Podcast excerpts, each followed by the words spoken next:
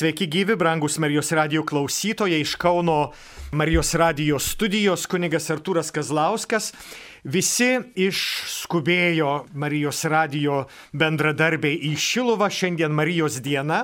Na ir paliko mane, kad, kad aš galėčiau su jumis pabendrauti.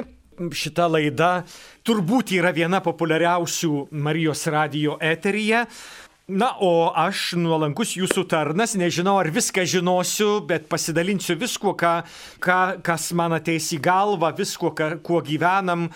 Tad klausk drąsiai. Štai pirmas klausimas. Jėzus šventykloje išvaikė prekiautojus. Kokią teisę jis turėjo tai daryti žmogiškojų požiūrių, juk žydai nelaikė jo dievu? Ir kodėl jo iš karto neišvarė kaip kokio huligano ir nenubaudė? Taip, gerbiamasis Gedeminai, visiškai teisingai.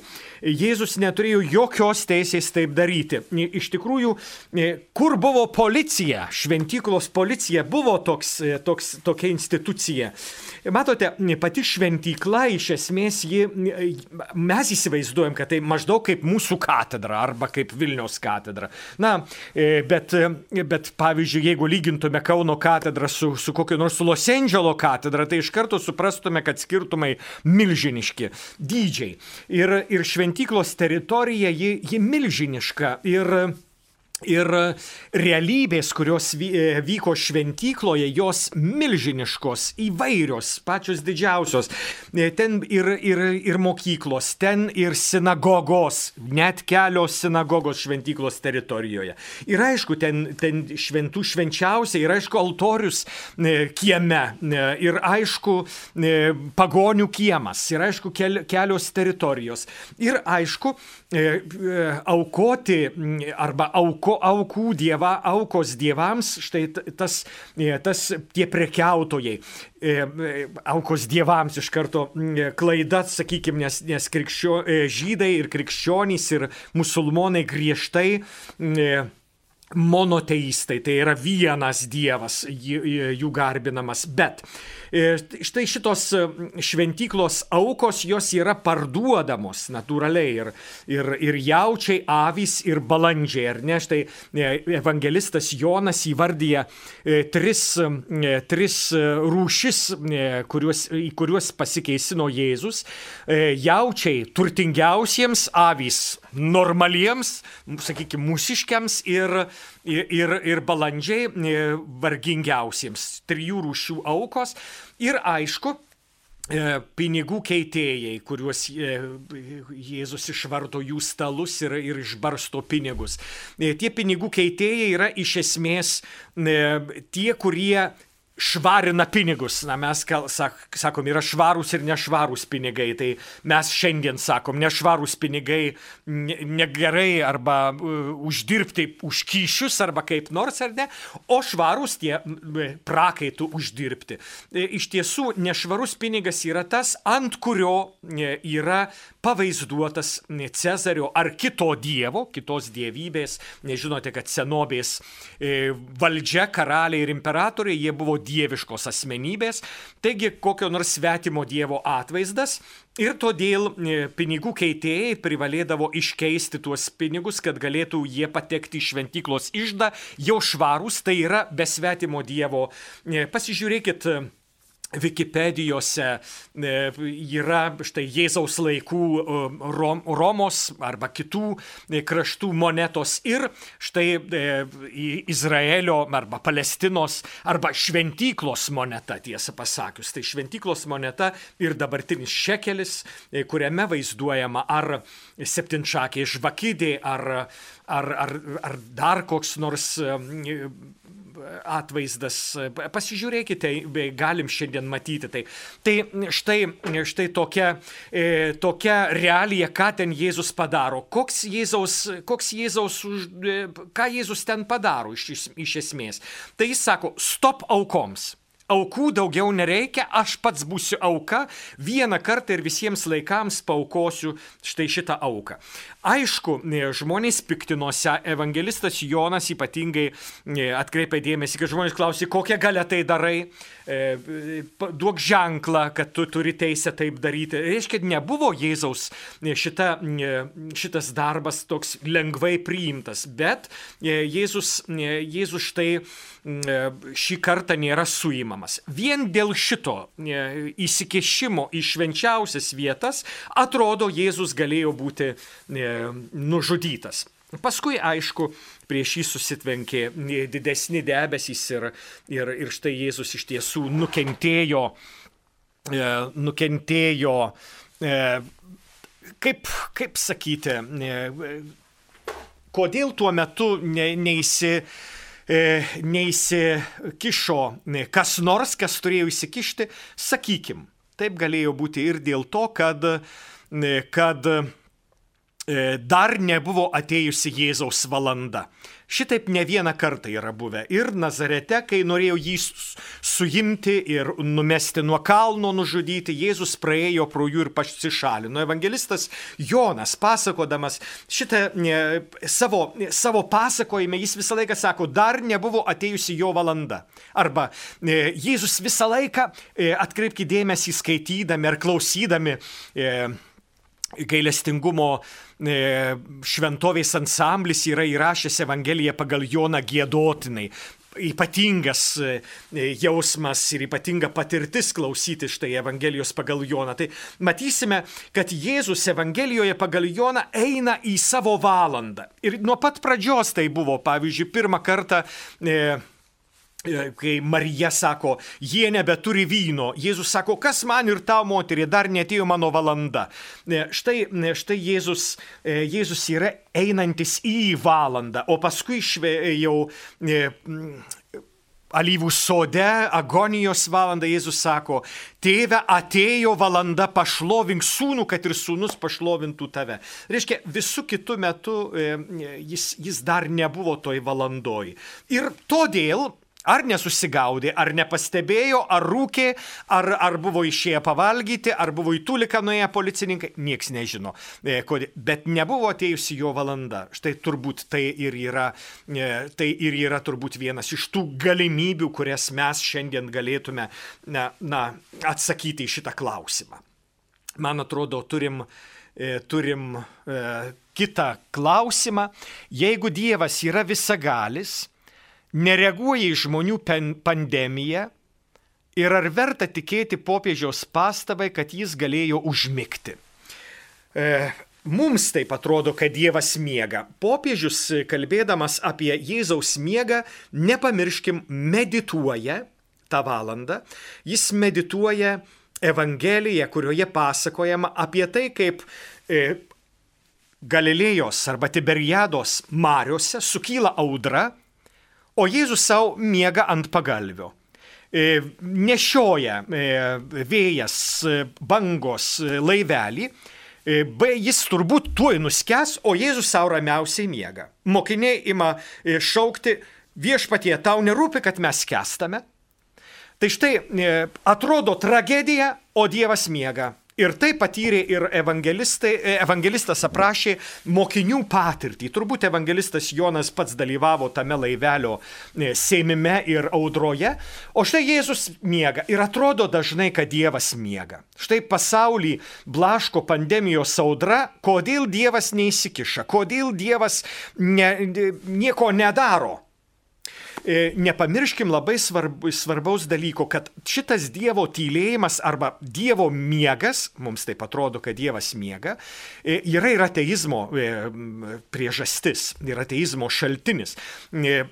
Po 20-ojo amžiaus didžiųjų tragedijų, antrojo pasaulinio karo, žydų genocido, sovietinių trėmimų, buvo jau, jau mintis apie tai, kad turbūt daugiau niekada krikščionybė, o bet kuri kita religija neatsigaus, nes Dievas nesustabdė e, nekaltų žmonių naikinimu. čia, čia štai e, ateizmo šaknį. Kodėl Dievas neįsikišo? Kodėl Dievas dabar e, netrenkia per nagus, atsiprašant, vagiui arba nenukirta vagių pirštų?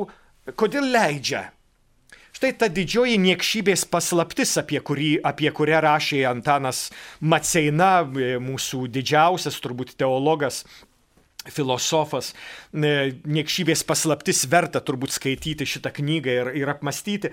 Žmogus yra laisvas ir jisai gali iš tikrųjų elgtis laisvas daugybėje atvejų. Bet štai, štai e, pandemija. Ar, ar tik tai gamta, ar ir žmogus čia kaltas, mes nežinome. Ar Dievas nepadeda, ar Dievas nesirūpina, ar Dievas miega štai šitoj audroj, Sunku pasakyti, jeigu taip greitai sukūrė vakcinas, ar Dievas miega. E, galbūt vakcinos ir yra Dievo kalbėjimas. O medikų rūpestis, slaugytojų rūpestis yra Dievo miegas ar Dievo kalbėjimas. O daugybė gerų žmonių, savanorių, kurie atneša močiutėjai ar dėdukui e, valgyti, ar tai nėra Dievo kalbėjimas? Ai, Dievas kalba kažkaip ne taip, kaip aš noriu. Bet Dievas yra Dievas, jis kalba dieviškai, mums per, per prastai, mums per mažai. E, ar Dievas miega? Žmogus labai dažnai miega. Jėzus, būdamas žmogus, irgi miegojo ir atrodo mėgo miegą. E, beje, e, neseniai girdėjau e, ma, juoką, kurį klebonui atsakė senas Zakristijonas į klausimą, tai kodėl tu, Jonai, taip mažai, taip daug miegi? Aš senas kunigas ir man užtenka mažai. E, Zakristijonas atsako, žinai, mano sąžinė rami ir turtų daug neturiu, galiu ramiai miegoti. Dabar turime skambutį. Prašome. Paskambino Sofija iš Vilniaus. Prašom, gerbiamoji Sofija. Garbėsiu Kristų. Per amžius. Žinot, aš norėjau šitokį dalyką paklausti. Kodėl mes turime gerbti homoseksualus, jei Dievas sukūrė Adomą ir Jėvą, o ne du Adomus? Kai, kaip, tai kaip galima homoseksualus mylėti ir jų gailėti, jie prieina prieš Dievą. Eina. Gerbiamoji Sofija, ačiū už klausimą. Nu, tie homoseksualai, nu tai žinot, tikri niekadėjai, kaip sako mūsų dainos kai kurios. Aš tai kažkada, žinote, dar studijuodamas Romoje, o Roma yra didžioji Babelė, tai studijuodamas Romoje kažkada e, girdėjau tokį anegdotą, kuris man atrodo labai teologiškai svarbus. Tai sako, kad Dievas sukūrė du Adomų. E, Adam yra iš tikrųjų žmogus arba žemė, jeigu taip jau Adam. Na ir sako, žinai, staiga žiūri kažkas negerai. Na ir Dievas užleidžia miego alpulį ir žinote, ką nupjauna. Na, nupjauna tai, ką turi Adomas, ar ne, ir ko Jėva neturi. Ir štai atsibunda abu Adomai ir sako, e, Dieve, kur tai, ką tu mums davei, o dabar kur jie, sako, Dievas, eikite ir susiraskite. Na ir, ir, ir kaip vienas eina, susiranda ir turi, o kitas dar ir šiandien tebe ieško. Na čia apie Dievą, kuri ieško tai, ką, tai, ką pametusi arba kas. Na, čia toks ne, ne, ne visai gražus anegdotas, bet manau daug ką paaiškina. Tai ką mes žinom, kodėl taip mūsų sąmoniai susisuka kartais. Ieškom ne to, ko, ko reikia. Žinote, mus, me, mus visus įkando gyvatė. Tai pasakoja bent Biblija. Ir mūsų visų širdyse, mūsų visų kraujyje teka gyvatės nuodai. Mes visi esam kažkokie netokie, ar ne? Ar pastebėjote? Norim gero, o išeina blogai. Mes visi kažkokie, nu, tai vieni vienoj, kiti kitoj vietoj. Pone Sofija ir visi gerbėmieji mano klausytojai, mes visi esam, esam riboti. Mes visi esam Mums visiems reikia gydymo. Labai svarbus žodis išganimas, išgelbėjimas, saliut, saliutė. Reiškia, išgelbėjimas nuo žodžio sveikata. Štai Kristus mus gydo Ir jeigu leisim gydomi, Kristus mus išgydys. Jeigu neleisim gydomi, numirsim nuo savo, nuo savo negandų ir, ir, ir nuo, savo, e, nuo savo užpūliavusių žaizdų, tai mes visi esam žaizdoti ir dėl tų žaizdų yra kalta gimtoji nuodėmė, paskui mūsų mamos, tėčiai, mokytojai, draugai, televizija, radijas, e, internetas, o iš tikrųjų tai kreiva mūsų širdis. Aš taip sakyčiau, nes aš žinau save. Aš labai jau čia stengiausi, stengiuosi būti geru kunigu, kasdien beveik, kartais nusibosta, bet ne visada išeina. Kaip jūs savo norite. Kovo 19 šiemet yra penktadienis, tai kaip su pasninku. Tai štai gerbėmieji, pasninkas e, yra. E, pasninkas yra ne mėsos nevalgymas, tai yra abstinencija. Ir penktadieniais mes e, turime abstinencijos įstatymą, kurioje nevalgome mėsos. Pasninkas yra kiekio klausimas ir tai yra trys dienos. Tai yra didysis ket, e, kučių, kučius, didysis penktadienis ir pelenų trečiadienis. Štai trys pasninko dienos, kai valgome vieną kartą, o du kitus kartus užkandame. Bet laikomės taip pat ir abstinencijos, reiškia nevalgome mėsos. Penktadieniais, visais metų penktadieniais, išskyrus iškilmės penktadienius, laikomės abstinencijos. Kadangi šventasis Juozapas yra iškilmė, nėra abstinencijos įstatymo, nei sekmadieniais, nei iškilmės diena nėra pasninkų ir abstinencijos. Tai šventės diena ir tai yra visai kitokia neatgailos diena. Beje, norėčiau pastebėti, kad bažnyčia yra tokia išmintinga, kad mums visą gavėnę prisakstė, atkreipkite dėmesį, atgailos laiką jinai prisakstė šventėmis iškilmėmis, e, sekmadieniai. E, e, pavyzdžiui, šventasis Kazimieras Lietuvai, pavyzdžiui, šventasis E, Juozapas, pavyzdžiui, apreiškimo iškilmės. Tai trys didelės iškilmės, kurios yra gavėnios metu ir jos negavėniškos, jos iškilmės šventės dieną, kai, kai neatgailaujame, bet švenčiame. O žinote, kad e, švesti visi nori. Turime skambutį. Paskambino Tomas iš Kauno. Prašom, gerbiamasis Tomai. E, turiu klausimą kunigė. Dabar praeitais metais atrodo e, minėjote, kad e, kunig, kunigas ar vyskupas ar kardinolas kažkoks pradėjo beretę nešiot vien todėl, kad šalta jam bažnyčiai. Tai man dabar, vat, jeigu būtų šalta bažnyčia ar kitam vyrui, kuris nėra nei kunigas, nei vyskupas, ar būtų galima dalyvauti mišiose bažnyčiai, jeigu šalta galvai. E, žinote, e, pavyzdžiui, kokie nors žydai, tai, tai visą laiką įeidami į savo šventovę ar net į sinagogą ir net mes kokiai nors e, šventoji žemėje būdami visą laiką turime būtinai ką nors susidėti ant galvos. Vyskupai net gauna šito priklausomybės Dievui ženklą. Įdomu, kad, kad krikščionių tradicijoje moterys privalėdavo prisidengti savo plaukus, nes labai seksy plaukai. E, ir vyrams, žinote, tai kad ne, ne, ne, nemaišytų, todėl jos turėdavo prisidengti šitos plaukus. Dabar kažkaip emancipavosi mūsų moterys dėl tų kovo aštuntųjų, todėl nuogais plaukais, e, o, o vyrai turi kaip tik nudengti e, galvas. E, žinote, jeigu šalta, ne tik kunigas, ne tik vyskupas, bet ir kiekvienas vyras turi teisę užsidėti ką nors ant galvos, jeigu jam labai šalta. Nu tai kas dabar tau gali uždrausti tokį dalyką? Bet paprastai namuose ir šventovėse e, mes e, be galvos apdangalo vyrai e, na, visuose namuose, visuose patalpose. Tai yra mandagumo klausimas, ne tik religinis klausimas.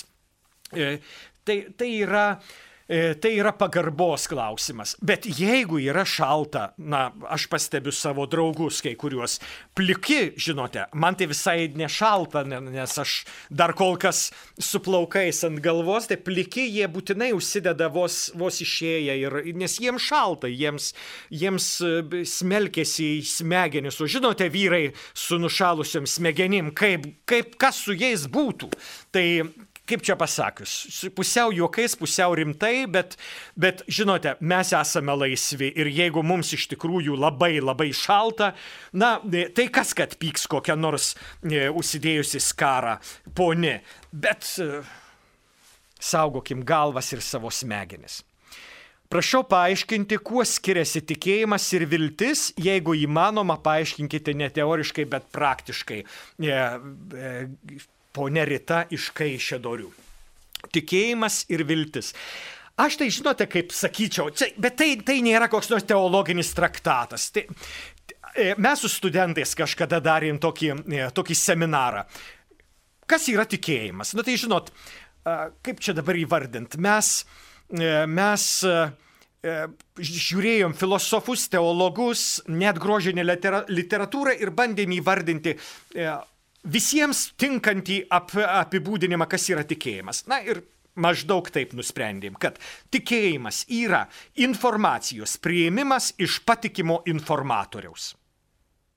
Tikėjimas yra informacijos prieimimas iš patikimo informatorius. E, kas tas yra?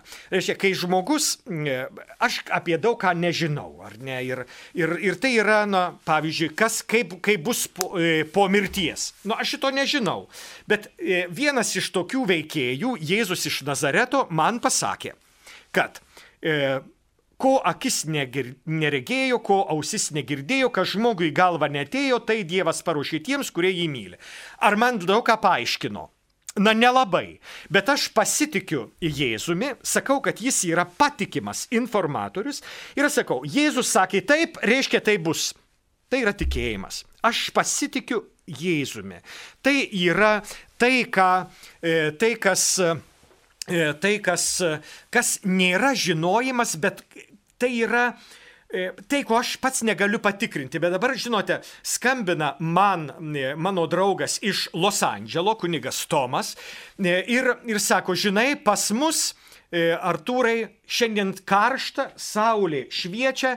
Ir aš sakau, Tomai, įsivaizduoju ir tikiu tavim, negaliu patikrinti. Jeigu aš būčiau ten, man Tomas sakytų, žinai, šiandien karšta, aš sakyčiau, žinau. Nes aš pats patiriu tą dalyką, pats pat, pa, e, mat, žinau, kad karšta, nes man per karšta būtų, ar ne, e, Los Andželį. Bet, bet štai aš sakau, tikiu tavim, nes man Tomas atrodo patikimas ir jis ten yra, jis žino, jis sako. Tai tikėjimas yra visur susijęs su šituo dalyku. Ir aš tai turėjau tokią problemą, mūsų, mūsų e, vienas kursiokas e, studijų laikais, jis, jis pradėjo kelti vieną didžiųjų klausimų. Palauk, o kas man įrodys tiesą? Sakau, pasiklausė. O kaip man žinoti, kad jis manęs neapgauna? Tai vad reiškia, jeigu aš nepasitikiu, aš negaliu tikėti. Bet jeigu aš niekuo nepasitikiu, tai žinote, atleiskite, bet tai yra diagnozė. Žmogus yra pasitikintis, jis privalo pasitikėti. Dabar kas yra viltis? Tai viltis yra, e, mūsų jaunimas ar pasaulis sakytų, durnių motina, bet viltis yra štai kas. Mano pasitikėjimas, kad Dievas yra toks galingas, jog blogį gali padaryti gėriu man. Tai, kas yra blogai, jis kažkokiu tai būdu gali paversti ir man padaryti naudingu. Pavyzdžiui, lyga. Jis kažkaip tai gali padaryti man naudingą. Pavyzdžiui, mirtį. Jis gali padaryti man naudingą, sako, perinu į kitą, į kitą e, pasaulį, ar ne? Tai, štai, tai tai yra viltis. Dievas gali sunkę dabartį padaryti, e, padaryti man naudingą arba visam pasauliui naudingą. Teologai sako, tikėti tai priversti protą, kad jis priimtų ne iki vaizdžią, bet nesuprantamą tikėjimo tiesą. Ar tikėjimas yra ne proto, bet valios veiksmas? Aš manau, kad abu ir proto, ir valios veiksmas. Popiežius Jonas Paulius II 93-aisiais Lietuvoje viešėjo beveik penkias dienas, dabartinis Pranciškus tik dvi kas sudarė šių vizitų dienotvarkės Lietuvos vyskupai ir Vatikano tarnautojai. Prieš savaitę vykusioje popiežiaus Pranciškos kelionėje į Iraką, sakyčiau, buvo daug rizikos. Ką manote? E, pradėkim nuo, nuo rizikos. E, buvo daug rizikos ir mes e, kalbėdami su bičiuliais Romoje sakėm, kad turbūt kažkas jį stabdė ir sakė, neverta per daug rizikos, o jis sako, keliaukim.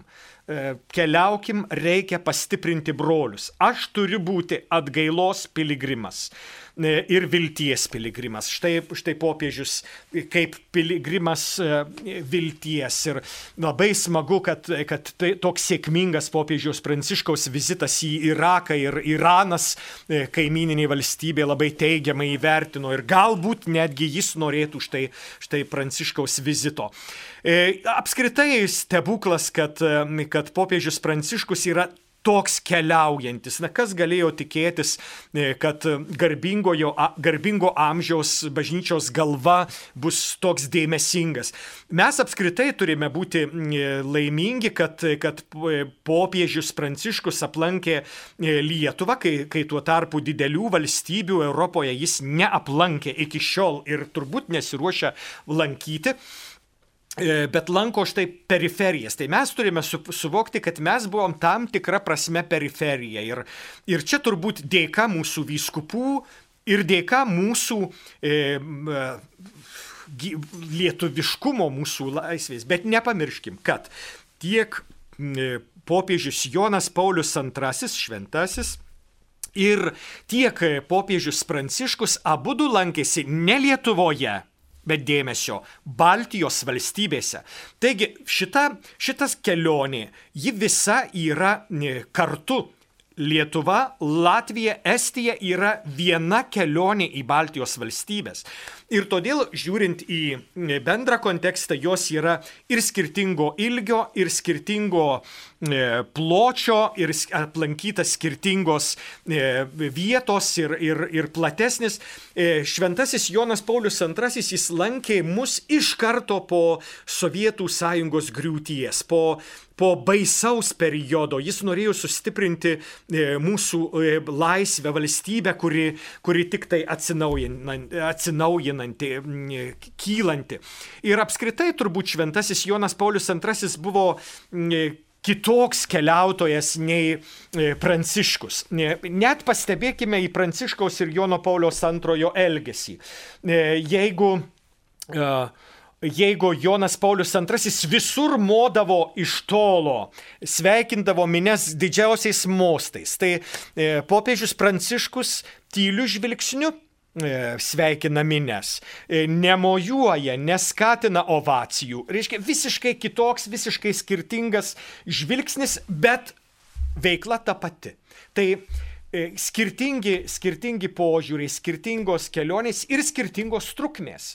Ir tai nėra blogai. Aš manau, kad kiekvienas popiežius jis vertina viską skirtingai. Ir be abejo, e, žiūrint į trukmes, e, tai Šventojo Jono Pauliaus antrojo kelionių trukmės jos buvo ilgesnės. Pranciškus yra konkretesnis. Na žinote, Jonas Paulius II buvo diecezinis kunigas. Na, o pranciškus jėzuitas. Čia skirtumai patys didžiausi, jų dvasingumo, jų, jų, e, jų žvilgsnio į reikalą. Turime, turime skambutį, prašom. Paskambino Irena iš Suvalkyjos. Garbėjus Kristus. Per amžius suvalkietę. Aš labai norėčiau, kad kunigai ir šiaip daugiau akcentuotų Stambulo konvencijos tą punktą, kur ruošiamasi priverstinai tvirkyti vaikus. Tai fiziškai, dva morališkai suluošintas vaikas be ateities ir kodėl apie tai nei mamos, nei, nei visi per mažai kalba. Ačiū, e, ponė Suvalkietė. Aš žinote, Zanavykas, tai kaip čia pasakyti, sako tremtinys iš Suvalkyjos. Tai, tai kaip čia dabar įvardinti, ar mes draugai ar priešai, nežinau. E, tai e, žinote, apie Stambulo konvenciją, tai, tai mes jau turime viduje bažnyčios susipriešinimą ir, Ir vyskupai e, aiškiai e, kartu su kitų krikščioniškų arba tradicinių religijų bendryjų e, vadovais yra apie tai pasisakę, prašom skaityti. Ne visiems rūpė Stambulo konvencija, aišku, turėtų kaip piliečiams mums visiems rūpėti, kaip bus su mūsų, su mūsų valstybe tie mūsų vaikai, žinote, tvirkinami arba patys įsitvirkina įvairiausiais būdais, ne tik per Stambulo konvenciją. Mes, žinote, augom sovietiniai sistemoje, tai dabar norėčiau liaupsės sovietų sistemai. Jūs visi turbūt tą patį sakysite. Ačiū už sovietinę sistemą. Nebuvo pornografijos, nebuvo prostitucijos, neturėjom nieko, kas mus tvirkina.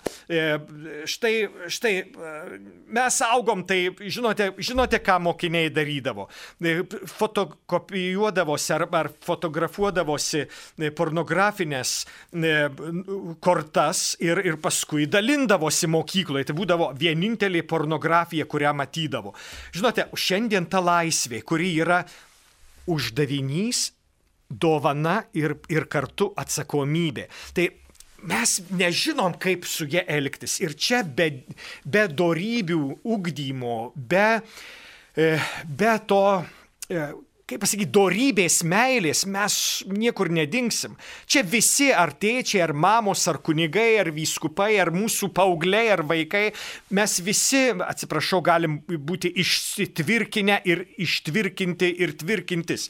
Tai Aš nežinau, ar, ar tik tai Stambulo konvencija tai padarys, nes mes šiandien galim įvairiausiais būdais ir, ir tai, ką aš žinau kaip kunigas, aš puikiai žinau, ką, kad šiandien, žinot, ne tik mokykla, ne tik, ne tik dėdžiai, bet ir mano internetas gali mane tvirkinti ir, ir, ir mano telefonas klasėje sėdėdamas, aš galiu ten kur noriu skrajoti. Tai, Tai va čia, čia yra truputėlį didesnis dalykas. Tai tol, kol nesakysime, kad didžiausia e, vertybė yra dorybė, tai tol, žinote, jokios konvencijos, jokie įstatymai priimti, atmesti mums nepadės ir nesustabdys. Draudimais nieko dar niekas nesustabdė. E, aš kažkada, žinote, klausiau seno e, profesoriaus jėzuito Olando, e, žinote, studentas jaunas, tai jam viskas rūpėjo ir, ir, ir štai sakau, bet žinote, profesoriau, bet, bet jūs Olandijoje įteisinę por, e, e, e, moteris prostitutes, prostitucija ten legalu, sako, žinai, o, o, o tai yra, tai realybė, kuri yra. Ir mes e, ką padarėme? Mes nesakome, kad nėra, bet mes ją įteisinom, kad galėtume kontroliuoti prostitučių sveikatą ir kad jos mokėtų mokesčius e, reiškia, nes mes neneigiame, kad yra, nes ar mes e, įteisinsim, ar neįteisinsim, tai bus. Tai geriau įteisinti ir legaliai, nei neįteisinti ir tai bus nelegalu. Tai man to seno jėzuito kažkada, žinote, jaunuolis būdamas, šitoks atsakymas mane žiauriai tada nustebino, pritrenkė tiesą pasakius e, ir privertė mąstyti. E, nes, žinote, aš visą laiką sakyčiau, alkoholis nuodai, alkoholis nuodai, sultys sveikata. Bet e, Kitas klausimas. Ant altoriaus, kur kunigas aukoja mišes, kiek turi būti žvakių?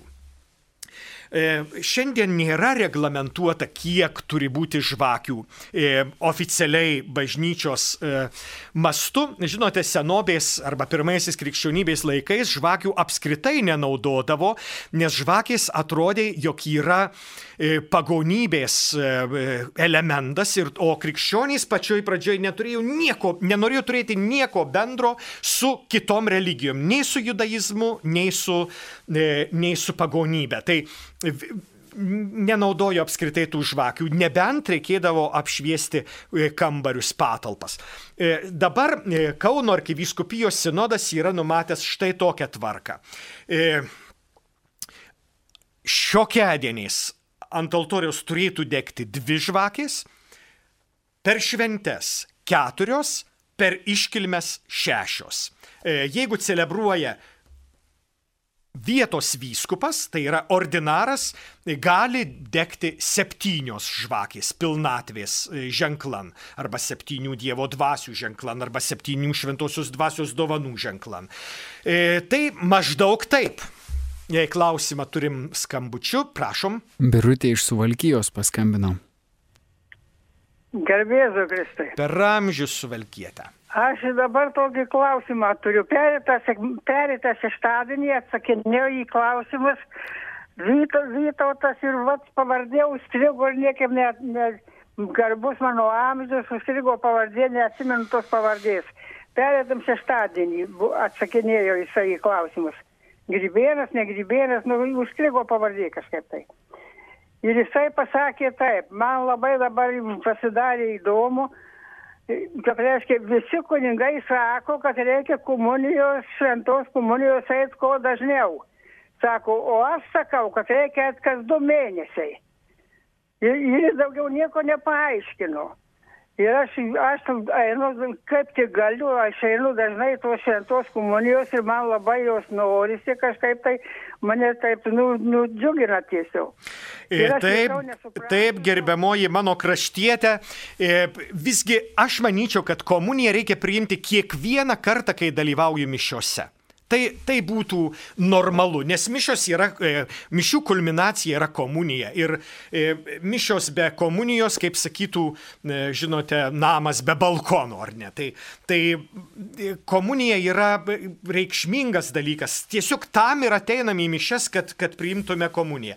Aš manau, kad e, Tūlas Vytautas, kunigas ar ne kunigas, ne, nežinau, išgyja turbūt Žodžiu, turbūt, e, turbūt turėjo minti išpažinti, kad maždaug kas du mėnesius, e, jeigu kasdien eini komunijos, kas du mėnesius atlikti išpažinti, e, būtų visai sveika. Turbūt, bet aš sakyčiau, jeigu turi sunkę nuodėmę, tai yra samoningai padaryta nuodėmė, štai aš tada turiu atlikti išpažinti. Čia irgi kitas klausimas. Dėl senyvo amžiaus ir karantino nebuvau bažnyčioje penkis mėnesius. Ar dabar nuėjus be sunkios nuodėmės galiu priimti komuniją? Taip, be abejo.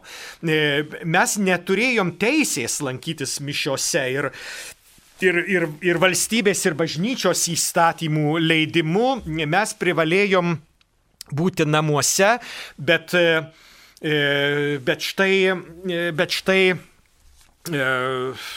Bet štai, jeigu neturiu apsi, samoningai, nebuvau samoningai apsisprendęs bent vieną kartą elgtis ne taip, kaip Kristus moko, aš turiu teisę priimti komuniją. Visada. Nes priimimas komunijos, dalyvavimas e, e, mišiose, geri darbai, malda, susitaikinimas ir atsiprašymas atleidžia mūsų lengvas, tai yra nesąmoningas nuodėmės. Tai mes galim iš tikrųjų priimti komuniją su tyra širdimi, o visus tuos trūkumus, kurie yra trūkumai dėl mūsų žmogiško silpnumo viešpats savo galybę ir didesnė nei mūsų širdimi, kaip sako evangelistas Jonas, e, sunaikins ir pertvarkys. Kaip suprasti žodžių garbinimo ir šlovinimo skirtumą?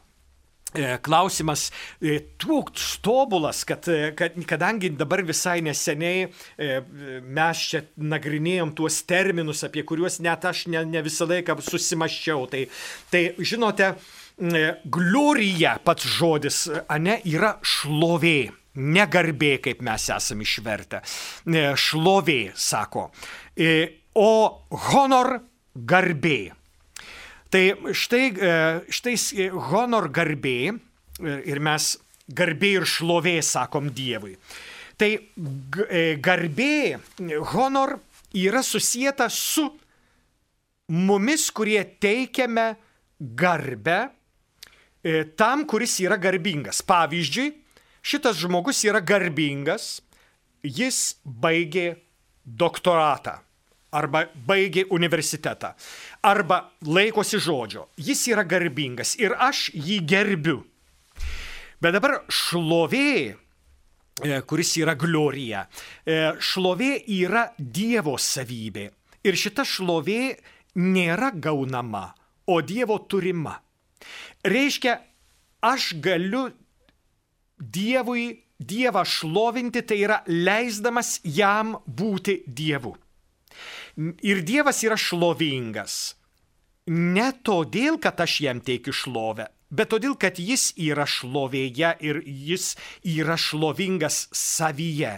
Ne aš jam duodu, kaip garbės atveju, aš pagerbiu, ar ne, bet šlovė pripažįstu Dievo šlovę. Kaip pagarbinti švenčiausiai įėjus į bažnyčią, kada klauptis, kada nusilenkti. Gerbėmieji, yra trys e, pagarbinimo ženklai. Pirmasis pagarbinimas - priklaupiama dešiniu keliu. Ir tai yra skirtas priklaupimas tik priešais švenčiausiai sakramentą. Vienu keliu priklaupiama priešais švenčiausiai sakramentą. Antrasis pagarbinimo ženklas yra žemai nusilenkti. Tas žemai reiškia nusilenkiu taip, kad galėčiau rankomis paliesti kelius. Nu, tokia taisyklė, ar ne? Tai šitą, šitaip nusilenkėme priešais altorių, e, patarnavimo metu priešais vyskupą, priešais kunigą. E, dabar trečiasis pagar, pa, e, pagerbimo ženklas yra palenkti galvą. Galva palenkiama tik vienu metu, kai tariame Jėzaus ir Marijos ir dienos šventojo vardą. Jėzaus, Marijos dienos šventojo vardą tardami palenkiame galvą, nusilenkiame žemai priešais altorių, kuriame nėra švenčiausiojo sakramento, vienu keliu priklaupiame priešais švenčiausiai sakramentą. Ar jis būtų tabernakulyje, arba įstatytas garbinimui, adoracijai. Dabar įėjus į bažnyčią, niekas niekada nereikalavo priklaupti. Aš žinau, kad mane mama mokė, ateini į bažnyčią, atsiklaupk iš karto ir muškis į krūtinę, sakyk, garbinkime švenčiausiai sakramentą, garbinkime švenčiausiai sakramentą, tris kartus garbinkime švenčiausiai. Žodžiu, na, jūs turbūt irgi taip pat mokyti esate. Tai įėjus į bažnyčią mes neprivalom priklaupti, mes neprivalom nusilenkti. Įėjus į bažnyčią iš karto e, apsišlakstom vandeniu, aišku, jeigu ne pandemijos laikas, e, apsišlakstom vandeniu, sakydami, apšlakstyk mane viešpatie vandeniu ir būsiu tyras, nubasgok mane ir būsiu baltesnis už sniegą, nes tai prisimenu krikštą, aš įeinu per krikštą į šitą bažnyčią, tai mano namai ir krikštas mane daro šitų namų e, savininku, tikrai to žodžio prasme, aišku, nors tai yra e, e, visai. Ir einu į savo vietą. Aišku, jeigu švenčiausiasis sakramentas yra koplyčioje, mes esame kviečiami aplankyti koplyčią. Ir štai ten atsiklaupiam, pagarbinam švenčiausiai sakramentą, tai yra Dievą, kuris yra pasiliekantis tiems, kurie negali ateiti į bažnyčią, kurį turiu išnešti iš bažnyčios - ligonėms, kaliniams, seneliams. Štai jis laikomas pirmiausia būtent jiems, o kadangi jiems laikomas, todėl ir vyksta adoracija. Ir tada išeinu iš koplyčios ir einu į savo vietą, ten sėdžiu, klūpiu, medituoju, ruošiuosi, repetuoju, kas, ka, ka, ką reikia, tą aš darau.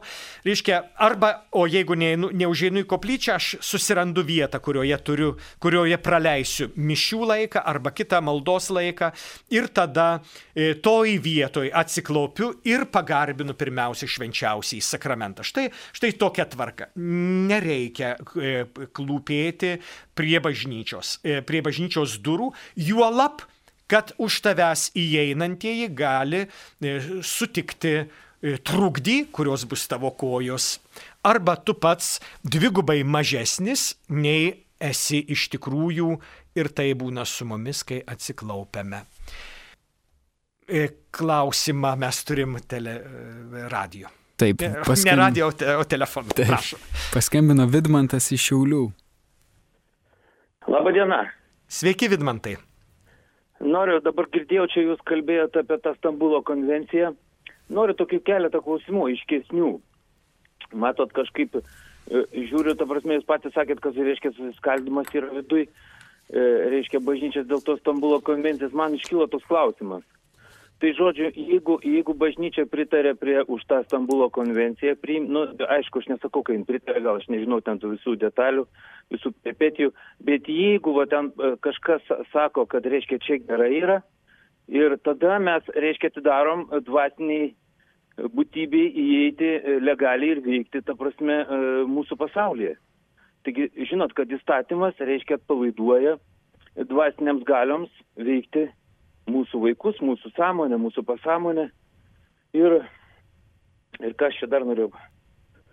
Ir, ir, ir taip reiškia e, šviesos angelas, kuris pavadintas, reiškia, jisai niekai kitaip neveikia. Žinot, ta prasme, kad reiškia padėtų uh, ambolę su kalė cianidu ir, ir, ir su, kažkokie, e, su kažkokiais vitaminais. Mes aišku nesirinktumėm kalę cianidą, nes tai užmuš. Bet mes renkamės tą, reiškia, geresnį gėrį, E, kuris, kuris reiškia yra toksai tolerantiškas kažkoks. Arba kažkoks, nu, kaip aš sakiau, įviniuotas iš kažkokį labai gražų popierėlį. Ačiū, gerbiamasis Vidmantai. E, e, taip, šitas klausimas, tai, ką jūs sakote, visiškai reikšmingas ir, ir ne antraeilis. Ar pritarė kas nors bažnyčiai? Na ne, ką pritarė? Matote, E, kalbėti apie Stambulo konvenciją, tai kalbėti apie keletą realybių. Tai jinai nėra vientisa. E, tai, kas, tai, e, Stambulo konvencija yra platus dokumentas. Ir tai, kad šiandien moterys kovo 8-ąją sakė, neduok man tulpių, duok man Stambulo konvenciją, tai jos mat e, mus kreudžia. Tai, reiškia, kai kas akcentuoja Stambulo konvenciją kaip e, stabdančią E, dis, moterų e, kaip, kaip pasakyti, stabdančią prievartą prieš moteris. Bet ten yra daugiau pačių įvairiausių realybių. Todėl, todėl priimti Stambulo konvenciją, tai atliepti į daugybę realybių, kurios yra uh, ne visada pageidautinos ir ne visada teisingos. Ir apie ją pasisakė, jau antrą kartą kartoju, pasisakė tradicinių religinių bendryjų vadovai savo laiške. Prašom jį susirasti ir perskaityti. Jis neilgas ir, ir lengvai su, suprantamas. Tai čia pirmas dabar tas klausimas.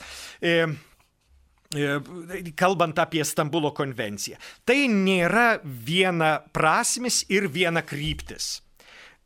Todėl jis yra pavojingas, dėl to, kad e, gali būti ir formuluotės, kurios at, atveria, mes nežinom, kokį, kokį kamštį atidaro ir, ir iš kokio džino mes tada galėsime e, džiaugtis. Tai, tai čia pačių įvairiausių va, tų, tų klausimų yra.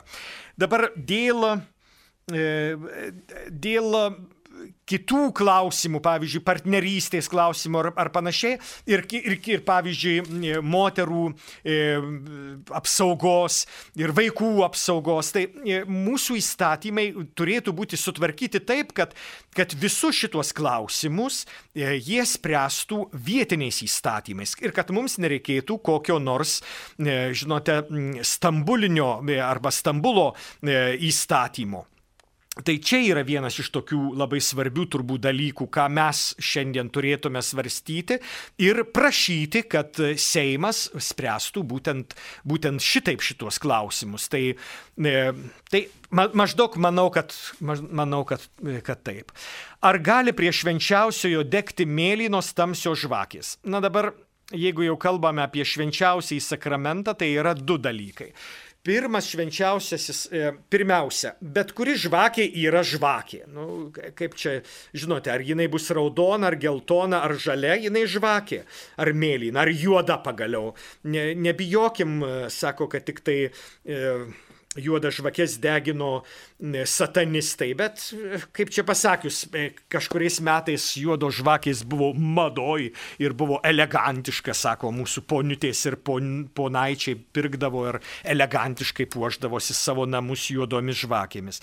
Ne, manau, kad ten reikėtų galvoti iš karto apie, apie sat, sataną, apie velnę ar šeitoną, kalbant apie juodus. Dabar, kalbant apie žvakes, tai sakau, jeigu įstatytas švenčiausiasis sakramentas, gali degti dvi ar keturios ar šešios žvakės, dar kartą sakau, prie tabernakulio nėra numatyta nei vienos žvakės. Prie tabernakulio yra numatyta vienas žibintas iš vaško arba iš aliejaus, kuris privalo degti dieną naktį. Tai pagarbos Dievui ir gyvybės ženklas priešais tabernakulį.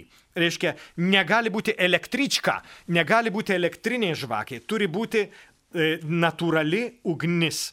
E, man, žinote, visada e, prisimins popiežius, kuris prie šventojo Pauliaus kapo norėdamas, kad nuolat degtų aliejaus žibintas, pastatė vienuolyną ir parkvietė e, brolius benediktinus, kad prižiūrėtų žvakę, kuri degtų dieną naktį. Įsivaizduokite, prie apaštalo e, Pauliaus kapo turėjo degti žvakė, todėl reikėjo statyti ištisą vienuolyną, kad prižiūrėtų šitą žvakę. Štai, štai kur yra e, pagarbos ir dėmesingumo šventenybėms ženklas, kurio dėje, dėje mes, e, e, mes ne, neišlaikom. Ir tai labai nesmagu. Dar vieną klausimą. Jeigu mano 45 metų broliui, kuris kiekvienam pažįstamam daug metų įrodinėdavo biblinio rašto tiesą, giliai tikėdama, lankant bažnyčią ir staiga susirgęs kaulų sarkoma ir kaulų lyga mirė, gali reikšti, kad jis per mažai tikėjo? Na ne, žinote, tikėjimas ir, ir kaulų sarkoma, kaip čia pasakius, žinote, ir, ir popiežiai, ir vyskupai, ir, ir, ir net kokie nors e, tikėjimo liudytojai yra tiesiog nužudomi už tikėjimą. Tai, e, tai lyga, lyga ir tikėjimas e, yra sugyvenantys tarpusavyje ir, ir labai dažnai tikėjimas padeda lygoje ir labai, labai dažnai būna, kad, kad lyga e, padaro taip, kad tikėjimas susvyruotų, nes tai iš tikrųjų vienas didžiųjų išbandymų. Ir, ir tai yra, e, matot, ne jau mes tikime e, tam, kad būtume apsaugoti nuo lygų ir bėdų, Yra žmonių, kurie meldžiasi tik tai, kai nori, kai nori kad, iš, kad egzaminas pasisektų. Aš kažkada turėjau durną maldą, labai gaila, kad ją suplėšiau ir ta malda buvo į kūdikėlį Jėzų. Prahos kūdikėlį Jėzų, aš jau kažkada citavau ją ir toj maldoje buvo maždaug taip. Dieve, padėk man išlaikyti, kūdikėlį Jėzau, padėk man išlaikyti egzaminą. Ir tegul profesorius manęs klausia tai, ko aš žinau, o jeigu ko nežinau, tegul padaryk taip, kad jis nesuprastų, kad aš nežinau. Na, nu, žinote, aš galvoju, kad tai pasityčiojimas. Tai e, daž, daugybė tiki dėl to, kad nori, nori apsisaugoti nuo ką nors. Jėzus sakė visai ką kitą. Jeigu kas nori eiti paskui mane, tegul įsižada pats savęs ir čia dėmesio tegul pasiima savo kryžių ir teseka paskui mane. Reiškia, šitas kryžius gali būti daugas. Gali būti e, lyga, gali būti kančia, gali būti e, nesėkmė, gali būti šmeištas. Daugybė dalykų tas mano kryžius. Jėzus nežadėjo išgelbėti mus nuo lygų ar nuo mirties. Jisai kaip tik prisėmė mirtį, kad matytume, jog mirtis gali būti naudinga mums kaip ir šiandien. Su mirtimi mes įžengiame į tikrąjį gyvenimą, sakytų koks nors apaštalas Paulius. Kaip jums atrodo? Jis sako tiesą ar, ar svaičioje? Turime skambutį, prašom. Mums paskambino Egidijus iš Kauno. Prašom, gerbiamas Egidijau. Garbėsiu Kristus. Ramžius. Norėjau paklausti jūsų, jeigu žmogus netaisyklingai sukirčioja žodį, netokį barbarizmą panaudoja ir aš jį pataisau, tai nuodėmė. E, ne, e, nenuodėmė, kiek įkyrų gali būti, nes kai kurie, žinote, Aš dabar norėjau papasakoti jums e, vieno seminaristo pokalbį su viena vienuole, kuri amžinai stra, kelionės metu vis, vis prilyzdavo ir, ir, ir seminaristui ir, ir sakydavo, rūkai save žudai, rūkai save žudai. Nu tai žinote, jis neapsikentęs, jie pasiuntė e, rusiškai, neminėsiu to žodžio, nes čia eteris. Tai, tai suprantat, Tai, nu, įkyrėjo pagaliau tie nuolatiniai priekaištai. Tai gali būti taip. Bet aišku, kažkaip pagarbiai ir, ir su dideliu taktu ir su didelė pagarba e, padaryta pastaba gali padėti. Ir tai yra labai naudinga ir reikalinga ir net išganinga, sakyčiau.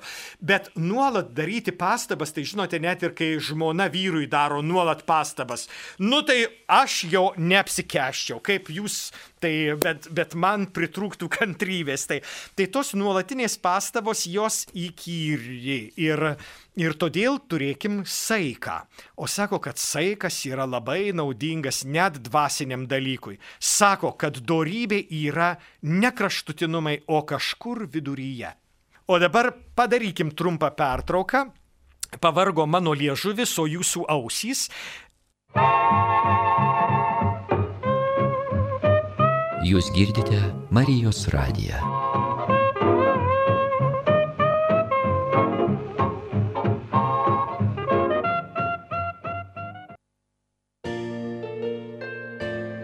Gavėnios kelionė. Sustiprinkite savo širdis. Mintimis dalinasi Jo ekscelencija Telšių vyskupas Algirdas Jurevičius. Kovo 13 diena - šeštadienis palaimingiau duoti negu imti. Šios viešpatės Jėzaus žodžius išsaugojo bažnyčia kaip paskata artimo meilės darbams. Ar dažnai mus aplanko šis palaiminimas? Ar su džiaugsmu duodame išmaldą ir pelnome palaiminimą? Ar net ir davę išmaldą jaučiamės nelaimingi? Kai kurie aukotojai nenoriai duoda, nes sako bijantis, kad jų pinigai bus panaudoti netvarkingiams įpročiams tenkinti. Štai čia ir slypi pagrindinė klaida. Žmogus duoda išmaldą, bet savo širdyje jis tų pinigų neatiduoda, nes apie juos įvairiai galvoja ir tiesiog fantazuoja, kam stokojantis tą išmaldą panaudos. Tikroji išmalda - duoti ir nepririšti savo širdies prie paukotų pinigų. Nuo tos akimirkos, kai davėte, jau nebe jūs, o gavusieji yra atsakingi už tolesnį išmaldos panaudojimą. Nebijokime taip investuoti į dangaus karalystės turtus, juk palaimingiau duoti negu imti. Gavėnios kalendorius.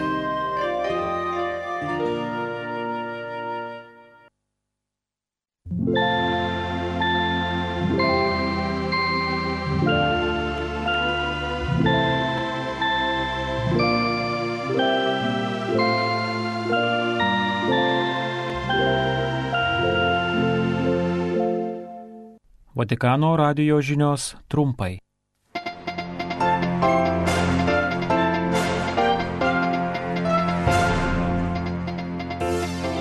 Penktadienį popiežius susitiko su nuodėm klausiais dalyvavusiais apaštališkosios penitenciarijos kasmet rengiamuose kursuose. Šventojo tėvo audiencija Portugalijos prezidentui. Šių metų Vatikano biudžetas mažiausias mūsų laikais Ekonomikos sekretoriato prefektas davė interviu portalui Vatican News. Junktinių Amerikos valstijų vyskupai prašo sudaryti sąlygas, kad vakcinos būtų prieinamos visiems. Laidos antroje dalyje kalbėsime apie penktadienio rytą popiežiaus namų pamokslininko kardinolo Raniero Kantalamesa vadovautą trečiąją gavėnios meditaciją. Kas man yra Kristus? Tu es grand Dieu saint. Loué soit ton nom, tu es grand Dieu fort, et nous célébrons Dieu de tendresse, ta miséricorde et ton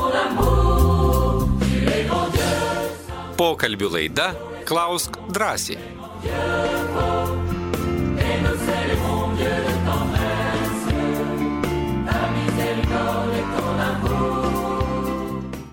Baisiai karšta, brangus Marijos radio klausytojai, čia mūsų studijoje kunigas Artūras Kazlauskas.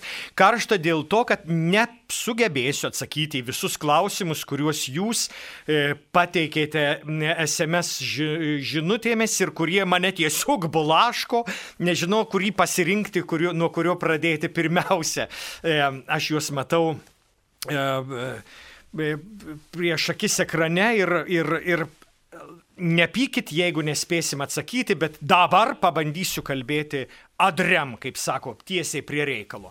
Kol galioja karantinas, būnant bažnyčioje, privalu dėvėti apsauginę kaukę. Ar pageidautina, kad kaukai būtų juodos spalvos, kokių dabar vaistinėse yra? Mano viena draugė nori juodos spalvos kaukių, nes taip elegantiškiau. O iš tikrųjų tai kokia spalva jau tokia ir, ir bus. Svarbu, kad ji būtų nauja, nedėvėta kelias dienas ir teisingai dėvima. Tai yra, nosis ir burna turi būti pridengtos kaukę. Ar tikrai išlankius devynis pirmuosius mėnesių penktadienius apsaugo nuo staigios ir netikėtos mirties? Šitokio pažado niekas nėra davęs. E, yra pažadas, kad mirties valanda bus parodytas gailestingumas. E, tai yra, Dievas kažkokiu būdu tave e, pasikvies e, pas save. Reiškia, Dievas tavęs neatstums. Tai pažadas. Ar biblinis raštas apie Dievo išdaigą Senajame testamente plokščia žemė yra teisingi ir kiek kartų jis nuo eros pradžios jis buvo keičiamas pagal bažnyčios poreikį?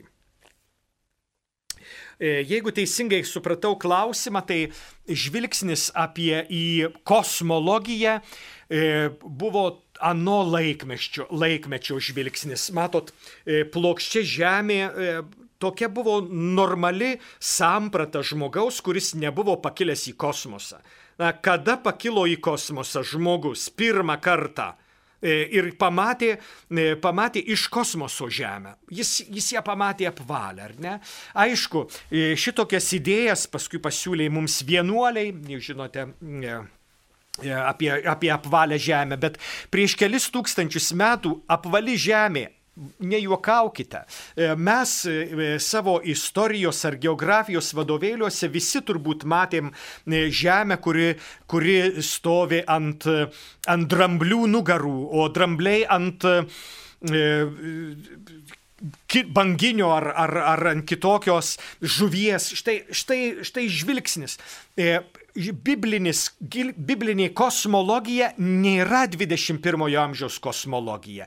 Ir, ir bažnyčia labai greitai, aišku, ne visada norėdama ne, sakyti, kad Biblija neteisi, ne, teikdama vienaip ar kitaip, ne, kai mokslas kitaip pradėjo kalbėti, jie iš karto priėmė mokslą.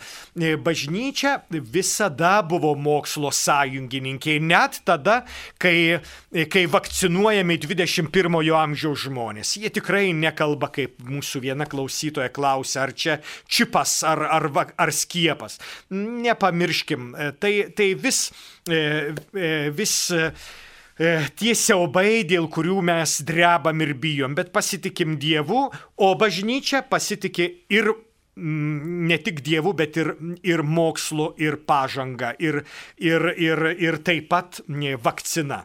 Taip, kad vakcinuotis tai būti giliai tikinčiais ir gerbiančiais e, Dievą, kuris kalba mums per mokslą. E, turime klausimą. Prašom. Paskambino Vitalija iš Vilniaus. Pone Vitalija, sveiki. E, sveiki. Gerbiamas kunigė Artūrai esu jūsų nepaprasta gerbėja. Pirmiausiai noriu jums, nu, nežinau, čia sakyčiau ne komplimentas, o čia tikra tiesa. E, ir visiems statau pavyzdį, kad jūs nepaprastai, raiškiai, aiškiai, jeigu kalbat, visada su gyvu tokiu, e, gyva energija, tikrumu. Ir ar jūs turėjot pedagogą labai gerą e, kunigų seminarijoje, arba čia Dievo dovana, plus dar Dievo dovana iškalbai, tai jau čia tikrai. Ir noriu Jums pasakyti, kad tikrai labai myliu Jūs, nors esu mačius tik iš toli, aš esu iš Vilniaus ir labai gailiuosi, kad Jūsų nėra Vilniuje.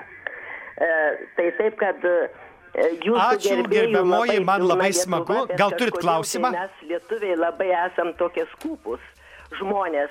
Praktiškai mes turėtumėm labai dažnai daug gerų žodžių pasakyti kunigui. E, o nes tikrai, ar pasakė gerą homiliją, ar tiesiog gražios šventos mišios. Labai tikrai nežinau, gal kas veda tą klausiai, dra, klaus drąsiai ir jūs galėtumėt pasakyti, tikrai nebijoti, būti drąsiems, nes reikia parodyti didelę meilę ir pagarbą kunigams. Ačiū gerbiamoji už gražius žodžius. Tai pi- pirma, jeigu būčiau sovietinis karys, tai sakyčiau rats taratsa. E, džiaugiuosi besistengdamas. Iš tikrųjų stengiuosi, o e, tai, ką gavau iš Dievo, e, naudoju, kaip matote. E, Čia Dievo dovana, aš visą gyvenimą buvau ganėtinas tinginys ir tai mano įda, iš kurios sunkiai išlipu, kartais save priverčiu. E, yra tokių įdų, kurios, kurios tave visą gyvenimą persekios turbūt ir e, kažkada, kai buvau seminarijoje, svajojau dar penki metai ir aš kai kurių įdų išlipsiu, bet, bet kaip, kaip akivaizdu, žinot, po 26 kunigystės metų matai, kad neišlipai ir, ir turbūt mirsi e, nely, e, netiesus, o vis tiek kreivas, karstas išlygins. O kad mes turim pasakyti vieni kitiem gražius žodžius ir padėkoti taip, pavyzdžiui, kokie nors italai e, e, prasmingas, e, prasminga homilija, jie būtinai paplos. Čia pas mus Lietuvoje irgi jau taip būna. Prisimenu arkivyskupo Kestučio pirmąją savo, e, savo homiliją e, tapus Kauno arkivyskupu, kai, kai minė buvusi arkikatedroje iš karto pradėjo ploti dėkodama.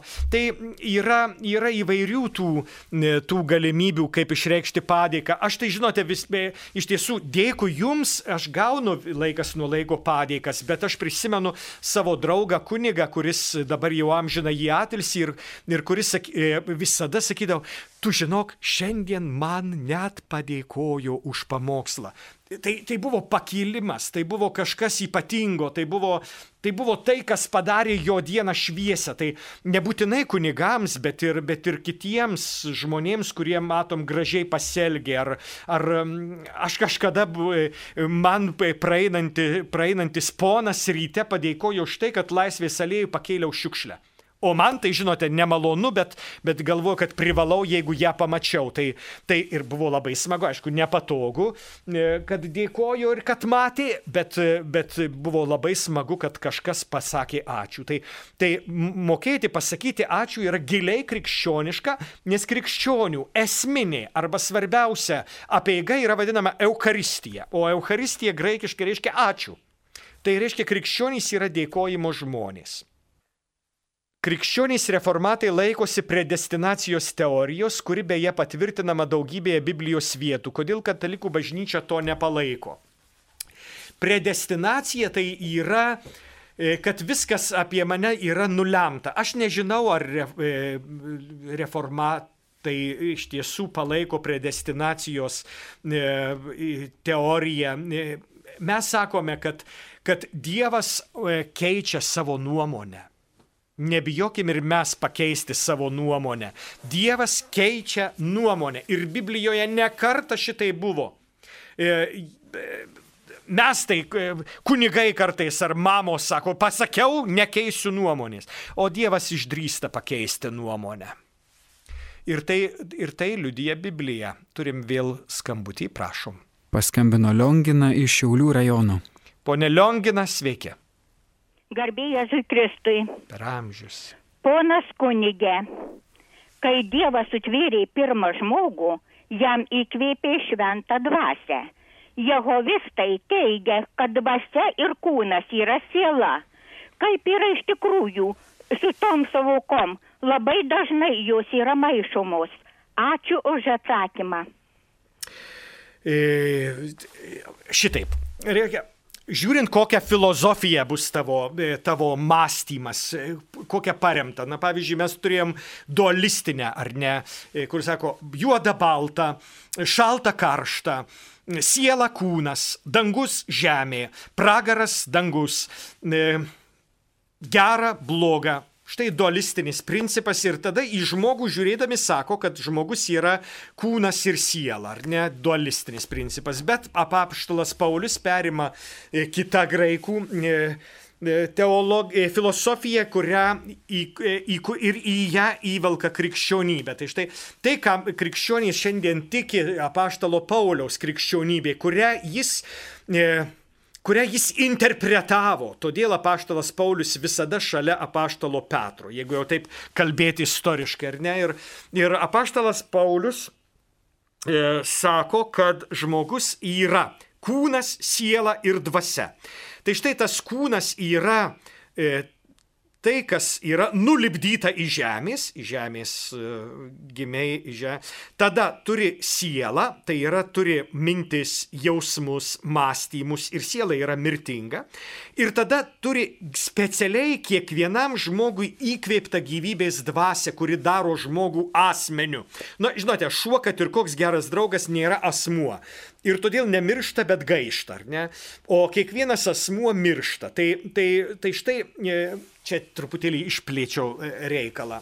E, šuo masto, šuo gal sapnuoja net kai kas sako, bet šuo neturi to asmeninio Dievo kvėpimo, kuris daro žmogų asmeniu ir žmogų žmogumi. Ir tai galimybė pasakyti tu ir galimybė pasakyti aš ir galimybė pasakyti mes.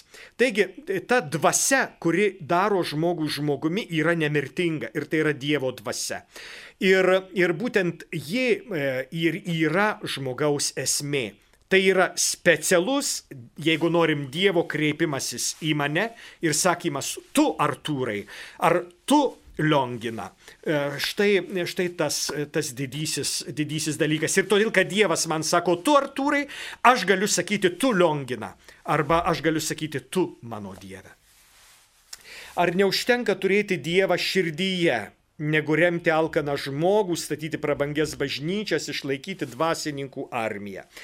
E, blogiausia, kad Dievas negyvena egoistinėje širdyje, nes Dievas pats nėra egoistas ir nekenčia egoizmo. Egoizmas yra užsidarimas į save, o kaip koks nors lotynų terminas sako incurvacijo inse ipsum. Girdite visi lietuviškai lotynų kalba. Incurvacijo inse ipsum. Reiškia, mes esame susirietę į save. Tai yra egoistas. Tas, kuris masto tik apie save, jis yra susirietęs ir mato tik save. E, na, e, būna kartais žmonių, kurie, kurių lyga suriečia juos į klaustuką. Tai žmogus negali matyti dangaus ir žmogaus negali matyti nei Dievo, nei kito veido. Ir tas, kuris masto tik apie save ir gyvena dėl savęs, gyvena pragare. Todėl Dievo negali būti jo širdyje. Nes dangus yra santykis, bendrumas, buvimas kartu su Ir tai yra visada atsivėrimas. Tai yra ne tik aš, bet būtinai ir tu. Kodėl Kainas nužudė Abelį? E, tai yra, na žinote, o kodėl tu žudai savo brolį, kai jį niekini, arba kai negali priimti jo nuomonės? Kainas ir Abelis buvo tos pačios tė, močios ir to paties tėvo, bet buvo skirtingi. Ir kadangi buvo skirtingi, neapkentė skirtingumo. Čia yra brolžudystės esmė, kurią mes turime. E, vyras masto kitaip nei žmona, sūnus masto kitaip nei mama. Ir tai kyla konfliktas. Mama nori kitko nei sūnus, kyla konfliktas. Tai yra vis žmogžudystės e, tam tikros grimasos, e, e, švelnesnės ar mažiau švelnios, bet jos yra žmogžudystės, kai brolis žudo brolį. Ką jau kalbėti apie vyrą ir žmoną, kurie skiriasi skirybų procese. Tai yra tikras žudimas, pa, pakalbėkim su teisėjais, kurie užsiminėja kasdien, du artimiausi, o štai tampa pačiais baisiausiais priešais. Arba E, broliai, e, kurie e, teisėsi dėl mamos palikimo.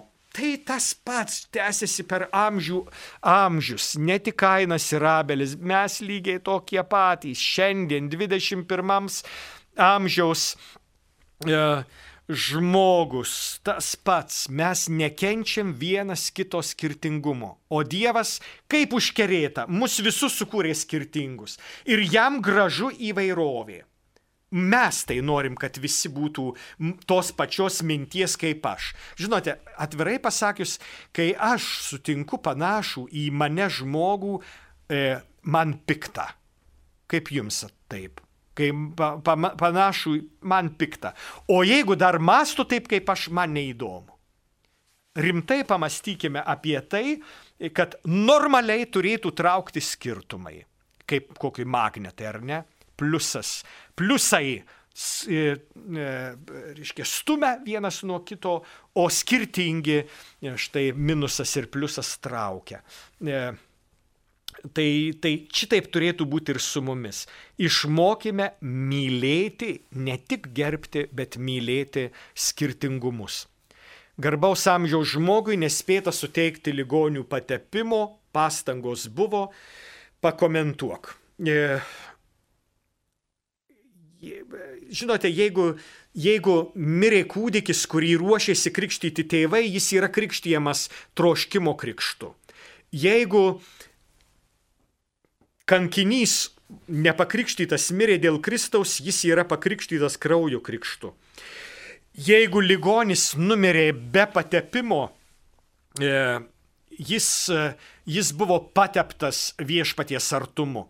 E, patepimas nėra skirtas mirčiai. Ligonių patepimas yra skirtas gyvenimui ir skirtas pernešti lygą su palaiminimu ir pasveikti. Ligonių sakramentu neruošiame mirčiai, ligonių sakramentu ruošiame gyvenimui. E, e, todėl ligonių patepimą reikia suteikti ligoniui lygos pradžioje, viduryje, pabaigoje, o ne tik pabaigoje.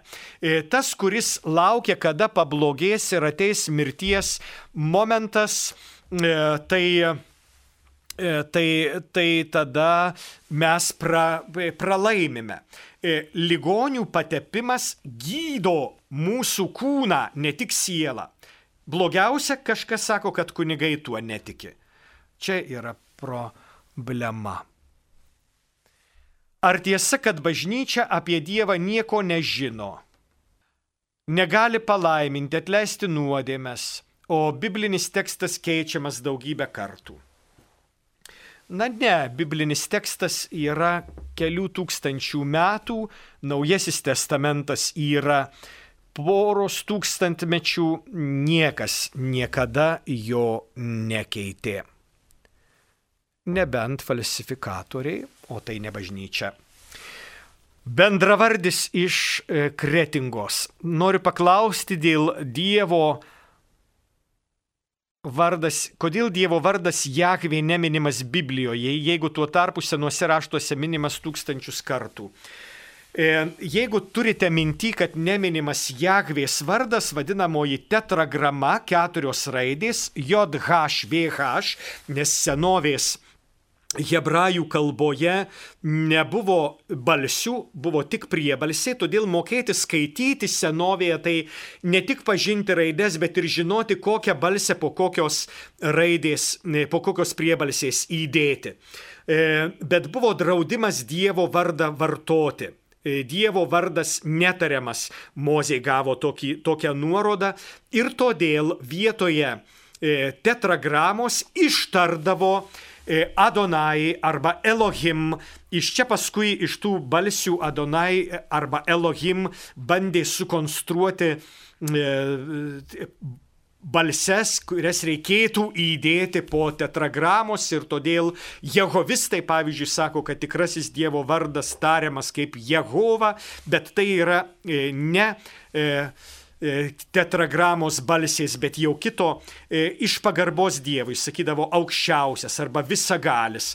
E, štai tokia Senojo testamento tradicija. Mes turime kitą vardą, tas kitas vardas tai yra Jėzus, jį iššifravus arba Ješua tai reiškia Jahvė gelbsti. Tai yra tai, ką Dievas daro iš esmės. Ir todėl mes tariame Dievo vardą ir sakome, kai sakome Jėzus ir, ir šitos vardas yra e, Biblijoje, mes visą laiką sakome ne tai, kad Jahvė yra, bet Jahvė veikia, Jahvė rūpinasi tavimi, Jahvė ne šiaip savo yra, bet jis yra dėl manęs. Tai štai Jėzaus vardas yra Jahvė, e, kuris veikia. E, bet dabar jeigu atsiverstume prelato Rupšio mums padovanotą vertimą, daugybėje vietų mes pamatytume didžiosiomis raidėmis parašytą žodį viešpats. Tai ten, kur mes rasime didžiosiomis viešpats, žinokime, kad originale yra tetragrama. Ir krikščionys, išlaikydami pagarbą žydiškajai tradicijai neminėti Jahvės vardo, e, naudoja viešpats. E, naudoja viešpats tam, kad e, ne, e, netarti Dievo vardo bereikalo iš pagarbos žydiškajai tradicijai. Kodėl vis dar bažnyčia atskirta nuo valstybės? Tai dualizmas. Dėmesio. Bažnyčia nėra atskirta nuo valstybės. Bažnyčia ir valstybė veikia skyriumi, bet drauge atskirai, bet dėl tų pačių žmonių toje pačioje valstybėje. Atskirti bažnyčią ir valstybę buvo sovietų ir komunistinių valstybių tikslas. Reiškia padaryti ją nelegalę arba tik toleruojama. E, šiandien bažnyčia ir valstybė veikia skyrium, bet kartu. Tai reiškia, kad valstybė nesikiša į bažnyčios veiklą, o bažnyčia į valstybės veiklą. Ir čia e, labai dažnai būna susipriešinimas, kai sakoma, kad bažnyčia politikuoja ar panašiai.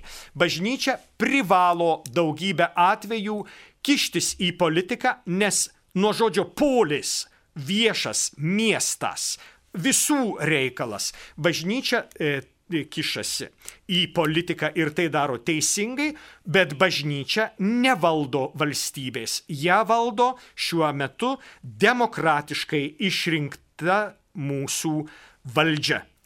Bažnyčia į ją kištis neturi teisės. Klausimas skambučiu, prašom.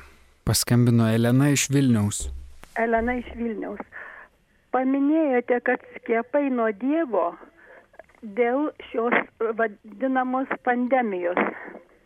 Jei aš nesiuošiu skiepytis, esu jau virš 70 sulaukusi ir nuo pat gimimo nesu skiepyta nei vienu skiepu, jei jūsų teigimu, kad tai skiepai yra nuo Dievo, o aš nesiskiepysiu, tai gal nuodėmę padarysiu. E, gerbiamoji, e, e, iš, iš jūsų balso nepasakysi, kad 70 metų. Sveikinu, turite jauną balsą ir tikiu jauną kūną, ir tikiu gerą sveikatą ir be skiepų.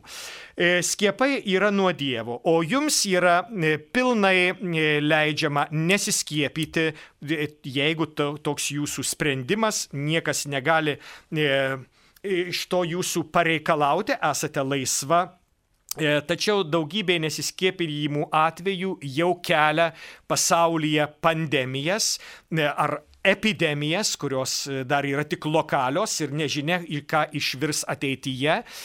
Taip, kad skiepai sustabdė daugybę mirčių ir daugybę pandemijų. Skiepai yra nuo Dievo ta prasme, kad padeda išgyventi žmonėms ir nenumarina nuo eilinio gripo, kaip, kaip, kaip dažnai būdavo praeitįje. Taigi skiepai yra e, Dievo dovana žmogui, ne, ne Dievas juos išrado, bet žmogaus savo protu, bet Dievas ne, juos laimina. Labai įdomu, kad Vatikane e, Vatikano darbuotojai neturi teisės pasirinkti skiepytis ar nesiskiepinti. E, ir tai galite paskaityti Vatikano radio puslapyje lietuvių kalba. E, e, vienas Vatikano gubernatorius išleido įstatymą, kuriame teigiama taip. Yra atvejų, kai asmens pasirinkimo teisės neprivaloma laikytis. Taip kad apie tą mūsų laisvę, tai žinote. O, tuoj atsiversiu kitą. Gal galėtumėt patarti, kaip su, kovoti su beviltiškumo, vienišumo jausmu dėl to, jog ilgai nesiseka sukurti šeimos? E, rimtas klausimas ir visiškai nejuokingas. E, greičiausiai jūs dar nesutikote tinkamiausio savo bendrakeleivio, o jis kažkur yra. Ir jeigu jūs trokštate šeimos, reiškia, jūs esate e, pašaukta E, gerbiamoji Marija į šeimą. Ir todėl e, pirmiausia, melskitės, prašydama, kad viešpats jums e, duotų tinkam atpažinti tą, kurį jis matytų geriausių bendra keliaivių. Šitaip vyskupas Kievalas labai dažnai sutvirtinimo jaunimui siūlo. Yra dar, kitas, dar kitas, kita galimybė, kito link puslapis, katalikiškas puslapis, kuriame daug merginų ieško savo vaikino ir mažiau vaikinų ieško savo merginos. O gal pasiseks būtumėt šitaip. E, Beje, e, jeigu jūs trokštate e, e, šeimos, reiškia, jūs esate pašaukta į šeimą. Bet gali būti, kad, kad jūs esate pašaukta, arba nebūtinai dabar apie jūs, gali būti pašaukta į vienužystę. Tai yra vie, vie, vienam gyventi. Ir tai anksčiau sakydavo senmergiška ir senberniška, o šiandien atrodo, kad tai yra rimti pašaukimai, kurie leidžia žmogui e, pilnavertiškai prisidėti, e, prisidėti prie e, žmogaus gyvenimo. Nuo kada žydų dievas tapo mūsų dievu ir kaip paaiškinti jo žudynę Senajame testamente. Na žinote, mūsų e, Dievas yra tas pats, kuris yra Jėzaus Dievas. Tai jeigu Jėzus, Jėzaus tėvas yra žydų Dievas, tai, e, tai, tai tas pats ir mūsų. Mes niekada neturėjome kito Dievo ir dar priėmėme būtent šitą Dievą. E, žydiškoje tradicijoje, Senajame testamente visi karai yra, e, visi karai yra žmonių karai priskirti Dievui. Matote, didelis skirtumas yra tarp šiandieninio mąstymo ir Senojo testamento mąstymo. Kaip dabar mes, e, mes mastom istoriją, ar ne? E, didysis Algirdas Brazauskas štai veikia šiandien mūsų prezidentas. Arba e, štai veikia Vytautas Landsbergis, štai veikia Landsbergiukas, štai veikia Šimonytė, štai veikia e, Gitanas Nausėda, e, štai veikia kokie nors didvyriai, e, o e, Senajame testamente Dievas už viską buvo atsakingas, Dievas visur veikia. Reiškia, istorija ir įvykiai buvo interpretuojami iš Dievo perspektyvos, iš Dievo pozicijų. Ir čia didis skirtumas. Mes neleidžiam Dievui vadovauti mūsų e, istorijai, nes jai e, vadovauti leidžiame tik Landsbergiui arba Algirdui Brazauskui. E, o Senajame testamente net karą priskyrė Dievui. Suprantate skirtumą? Dievas buvo centre ir Dievas buvo visa aukščiausia e, tautos galva.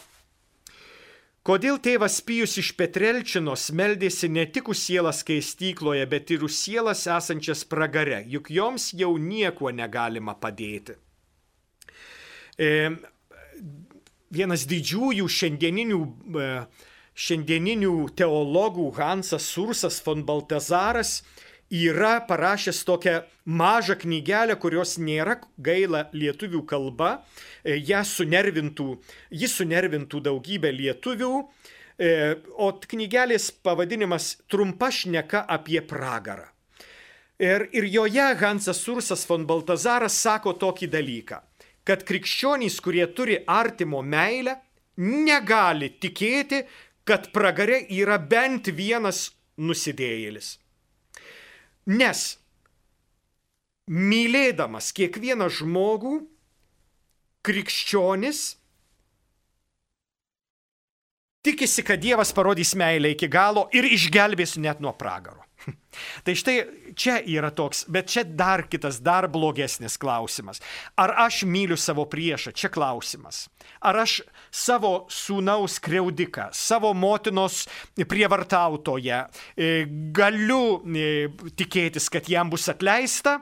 Štai vad klausimas. Ar aš myliu savo artimą? Čia yra kur kas didesnis klausimas. Ir tai yra labai sudėtingas klausimas. Melstis už pragaro, e, pragare esančius yra neverta, bet mes nežinom, ar, ar koks nors e, Judas Iskarijotas pasikoręs po išdavęs Jėzų, ar koks Hitleris ar Stalinas nėra išgelbėti didžiu viešpaties gailestingumu. Ką mes žinom, ką didysis Stalinas, e, buvęs seminaristas, darė mirties valandą? Gal jis meldėsi viešpatį išgelbėk mane, atleisk man kraugeriui. Ir ką, viešpats neišgelbėjo? Šito dalyko aš ne, nežinau. Dabar jeigu kalbėti toliau apie pragarą, tai pragaras yra e, Dievo gailestingumo ženklas, nes pragaras sako, e, popiežiaus Pranciškaus interpreta, e, popiežiaus Benedikto interpretacija, pragaras yra, kai Dievas norės tave apkabinti, o tu jo neapkesi. Tai Dievas norės tave, e, tave mylėti, o tu nekesi šitos meilės. Štai kas yra pragaras. Pragaras nėra vieta, pragaras yra žmogaus būsena. Ir kentėti dėl to, kad tave myli kiti, štai didysis, didžioj, didysis pragaras. E, jeigu moteris pagimdė kūdikį neprisimindama apie neištumo pradžią, galima pamanyti, kad tai nuo šventosios dvasios, na ne, toks įvykis buvo vienas, vienintelis. Ir, ir, tai, ir tai buvo mergelės Marijos atvejis. Kitų tokių atvejų bent aš negirdėjau, o jūs esate girdėję Kaip įkalbėti seną ligontą mamą priimti ligonių sakramentą? Jei jau nuo atmenamų laikų tai asocijuojasi su paskutiniu patepimu, su mirtimi, kiek mėginu paneigti, tai vis veltui. O pradėti gal nuo klebono apsilankimo namuose ir namų palaiminimo ir kartu atnešti švenčiausiai sakramentą lygotai mamai, o kartu kunigas melsis sveikatos ir stiprybės prašydama. Gal šitaip? Žinote, aš praleidžiu Stambulo konvenciją, nes aš nelabai turiu ką ten pasakyti. Paskaitykite, prašom, vyskupų, vyskupų ir kitų tradicinių religinių bendryjų Lietuvoje kreipimasi dėl Stambulo konvencijos. Aš manyčiau, kad ten viskas išaiškinta, ką reikia žinoti. Kuo daugiau, e, žinote, kuo daugiau šnekėsime apie šeitoną, tuo daugiau garbės jam teiksime. Manau, kad kai kuriuos dalykus verta mažiau kalbėti. Ar ne? Ar nuodėmė mylėti nuo alkoholio priklausomą žmogų? Nesame susituokę, kartu negyvename, nes nesutapo vertybės. Kiti mano jausmą vadina prisirišimu, bet myliu jo sielą ir kito vyro man nereikia. Meldžiuosi už jį ir prašau, kad jis atsiverstų. E, mylėti privaloma kiekvieną žmogų, tik tai kuo, ką mes laikome meilę, nes dauguma mūsų jaunimo meilę laiko jausmais ir chemija. E, ir trauka, ar ne? Kai mane traukia, tai, tai yra meilė. Iš tikrųjų, e, graikiškai e, yra trys meilės apibrėžimai. Tai pirmoji yra eros, tada agapė ir dar kita neprisimenu dabar, ant greičio čia išmušėte mane iš vėžių su ta meilė. Taigi tų meilių yra pačių įvairiausių. E, ir kai, kai kurios yra tos, kurios traukia e, kūniškai, kai kurios meilės visai netraukia kūniškai ir tai yra, e, tai yra kitokia meilė. Tai Tai mylėti ypatingai kenčiantį, pavyzdžiui, nuo alkoholio, nuo alkoholio kenčiantį žmogų, tai yra labai svarbu. Aišku, gali būti ir, ir prisirišimas daugybėje atvejų. Ir kodėl ne? Prisirišimas, e, jis ne, sako, kad, kad vyras ir su, su žmona pradžioj įsimylėję būna, paskui myli, o paskui jau tik prisirišimas, nėra ten jokios meilės. Na, ką žinau iš tikrųjų, įvairiai turbūt turbūt gali, gali būti. Esu užsienyje, susipažinau su baptiste, valgėme kartu mano ruoštą kūčių vakarienę. Dabar jau nekartą klausia, ar nenorėčiau eiti kartu su jai baptistų susirinkimus. Žinoma, vis atsisakau, net pradėjau nervintis. Galėčiau nebendrauti, bet žmogus jis jį geras. E, ką jai atsakyti, kai jos iniciatyva kalba pakrypsta apie tikėjimą? Esu praktikuojanti katalikė, bet štai tinkamų žodžių kaip ir nerandu. Kristina labai suprantamas, suprantamas klausimas. Dabar baptistai iš esmės mm, yra tradicinė konfesija, kuri, kuri yra krikščioniška ir, ir kuri yra labai graži, bet tai nėra katalikų bažnyčia. Mes negalim e, suvienodinti, kaip kai kurie sako, ai čia visur vienodai. Nu ne, E, daugybė yra tų, tų skirtingų tradicijų ir jos, jos yra skirtingos ir, ir mes privalome daryti skirtumus ir nesuniveliuoti. Katalikai nėra liuteronai, liuteronai nėra katalikai, e, ortodoksai nėra katalikai, katalikai nėra ortodoksai.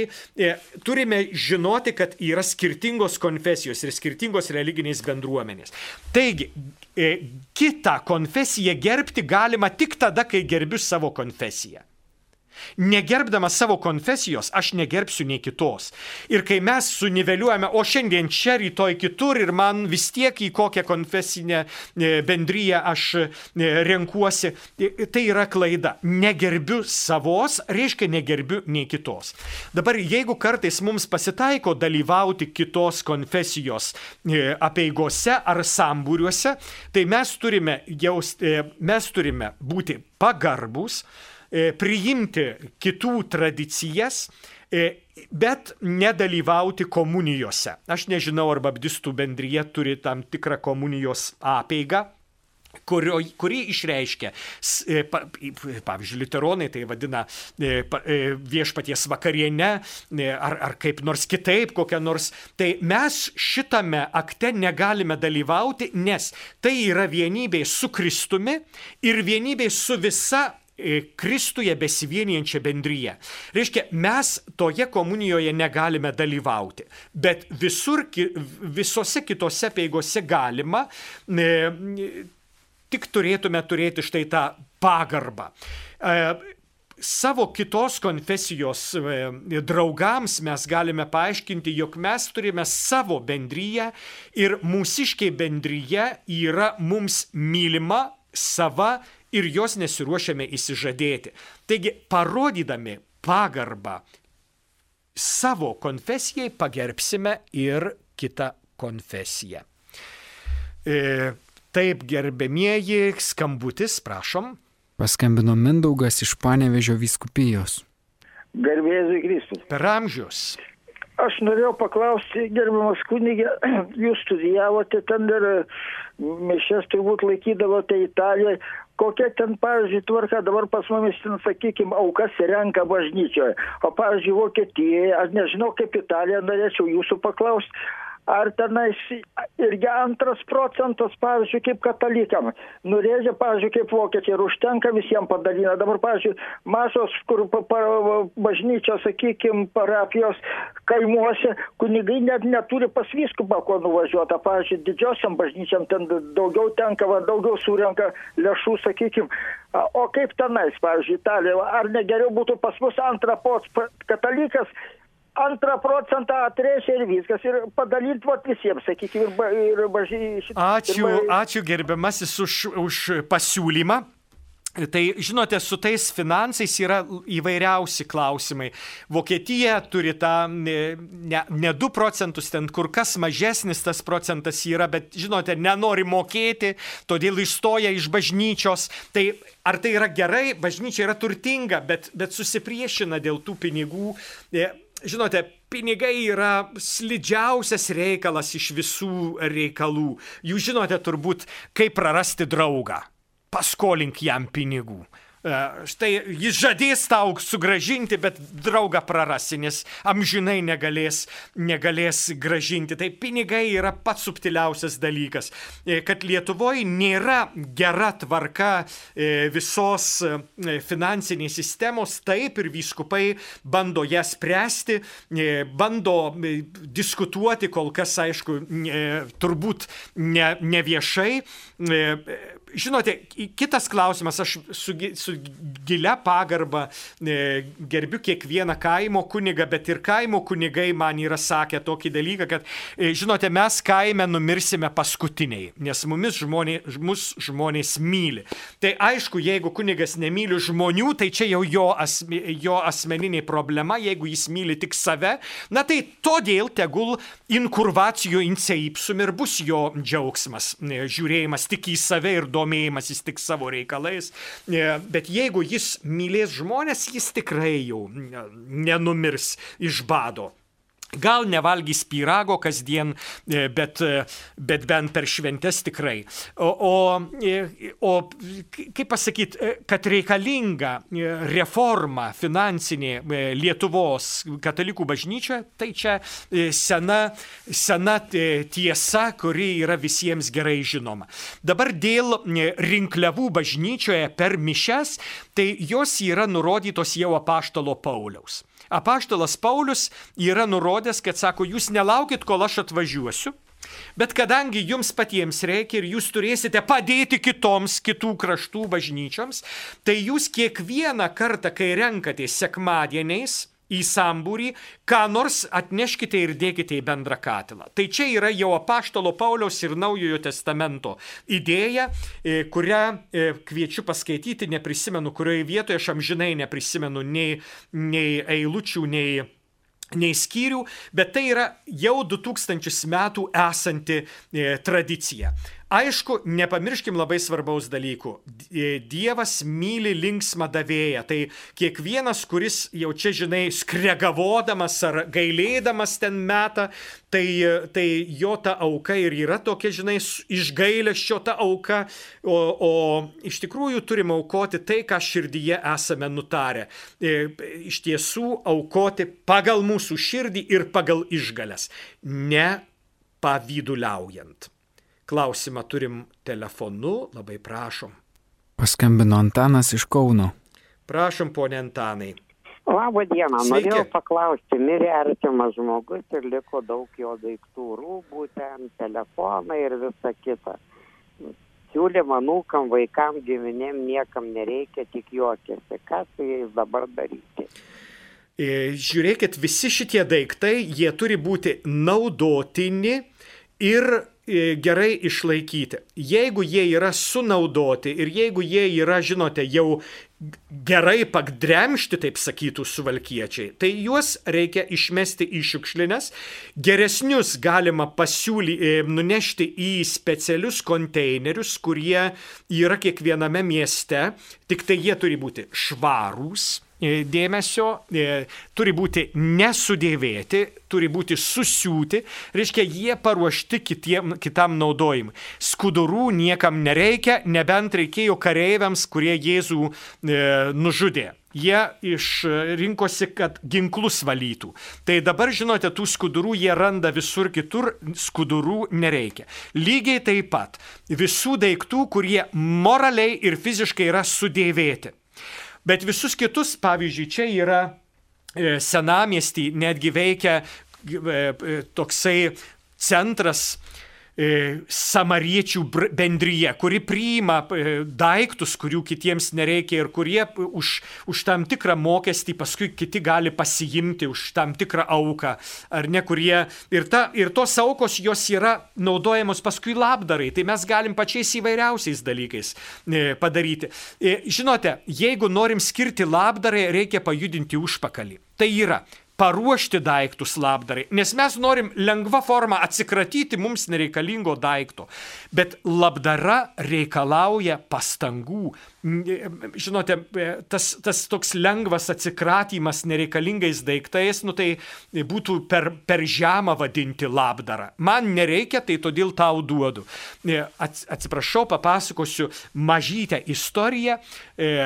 viena institucija bažnytinė gavo labai daug kompotų ir vuogienių ir vakuotų agurkų. Sako, čia tegul bus seminaristam, bet jeigu seminaristai nesunaudos, tai e, atiduokit vargšams. Kai tik atidarė šeimininkės vieną, ten buvo nuo 20 metų stovėjusios mūsų labdarą padarė, neatsikratė šiukšlėm. Saugokimės, kad mūsų labdara nebūtų tikrų tikriausia šiukšlė. Būkim labai pagarbus ir pirmiausia gerbkime save. E, skambutis, prašom. Paskambino Stanislava iš Kauno. Pone Stanislava. Gerbėjai Kristai. Per amžius. Aš norėjau paklausti, ar galima būtų melstis pagal Dovydo karaliaus psalmes. Ten yra rašoma, kad priešas bėgtų susigėdęs ir išraudonavęs. O tai čia, ar mes to nenorim, gerbiamoji Stanislava? Mūsų, mūsų malda, pagrindinė maldaknygė yra Davido psalmės. Ir jos yra, žinote, kelių rūšių. Vienos psalmės yra, pavyzdžiui, dėkojančios, kitos prakeikiančios. Tai tų prakeikiančių krikščionys nelabai jau ten naudoja, bet jos tokios yra. O, o Dovydas buvo nuoširdus, tai mes esam tokie, žinote, na kaip pasakyti, kai pykstam ant ko nors, sakom, ai čia nieko tokio, mes čia nepykstam, bet iš tikrųjų, jeigu pyksti, tai taip ir sakau, sakau, Dieve, aš baisiai pykstu. Ir, ir noriu, kad mano priešas paraudonavęs bėgtų iš gėdos, ar tai negražus noras tegu susigėsta mano priešai. Na, pavyzdžiui, čia tik cituoju jūsų, bet yra ir, ir kur kas baisesnių, kai, kai Dievas sunaikink priešus. Bet kaip Dievas sunaikina priešus? Padaro juos draugais. Mes tai nenorim, kad priešai taptų draugais. O Dievas naikina priešus, darydamas savo draugais. Tai, e, bet e, Dovido psalmynas yra pagrindinė krikščionių malda, tokia, kokią turėjo ir žydai. E, valandų liturgijos e, centre yra e, Dovydo psalmynas. Ir tai yra garbingiausias, garbingiausia maldų knyga. Aš dabar, gerbėmieji, pasirinkau tarp kitų penkių, ačiū Dievui, nesu jau, jau beviltiškai daug plepėjęs, kaip čia kažkas pastebėjo, kad plepėjau ne į temą, tai e, beveik visus tik tai paskutiniosius atėjusius, paskutinį klausimą e, leiskite atsakyti, ar kalbant Dievo gailestingumo vainikėlį ar kitas maldas, reikia įvardinti intenciją, už ką skiriu maldas. Kiek ilgai priimta melstis už jiem žinybę iškeliavus į artimą tiek, kiek sako širdis ir taip, kaip sako tavo širdis. Vieni daro intencijas kiekvieną maldą kalbėdami, kiti ryte e, meldžiasi už visus ir paskui sako viešpadė, viską, ką kentėsiu, viską, kuo džiaugsiuosi, viską, ką patirsiu, viską, ką išgyvensiu, skiriu štai e, šitomis visomis intencijomis. Kiti, kaip sakau, kiekvieną, kiekvieną mažą maldelę skiria už ką nors.